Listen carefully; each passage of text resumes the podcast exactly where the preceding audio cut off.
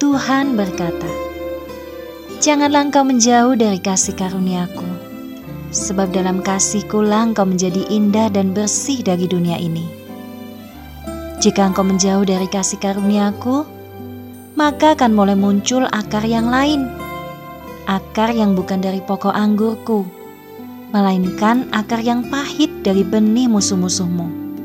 Berhati-hatilah anakku, segera cabut akar itu dan mendekatlah ke tata kasih karuniaku jika tidak, akar musuh itu akan semakin kuat dan masuk ke dalam hatimu, dan engkau akan kesulitan untuk merasakan kasihku.